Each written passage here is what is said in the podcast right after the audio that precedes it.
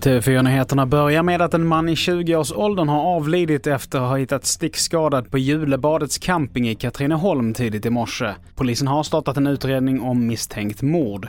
Nu under förmiddagen så undersöker kriminaltekniker platsen och i nuläget finns ingen misstänkt och polisen efterlyser tips från allmänheten. Den här mannen befann sig på ett eh, offentligt utrymme på campingen eh, där han hittades skadad. Vi åkte dit, ambulans kallades till plats och han fördes till sjukhus. Eh, tyvärr så gick hans liv inte att rädda så han avled av eh, sina skador. Eh, det man kan se på skadorna är att de är, verkar vara orsakade av ett vasst föremål och han har flertalet eh, sårskador på kroppen. Och i inslaget här så hörde vi Åsa Wilund som är polisens presstalesperson Region Öst. Vi fortsätter med att ny DNA-teknik kan leda till att fler brott klaras upp, det rapporterar Sveriges Radio.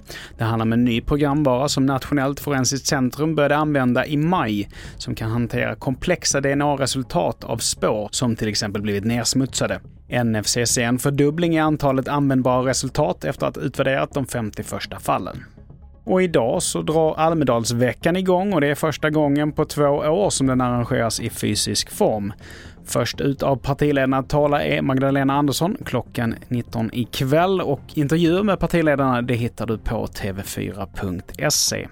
Och vidare till att ett uppdaterat vaccin mot covid-19 som ska skydda bättre mot omikronvarianter av viruset är på väg till Sverige. Nu är ju myndigheterna, globala myndigheter och eh, experterna i princip överens om att vi bör uppdatera vaccinet till hösten med en kombination av originalviruset, alltså det vi kallar för Wuhan, med omikron.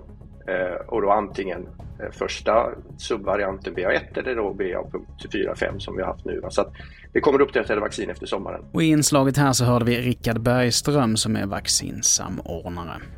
Fler nyheter hittar du på tv4.se. Jag heter Mattias Nordgren.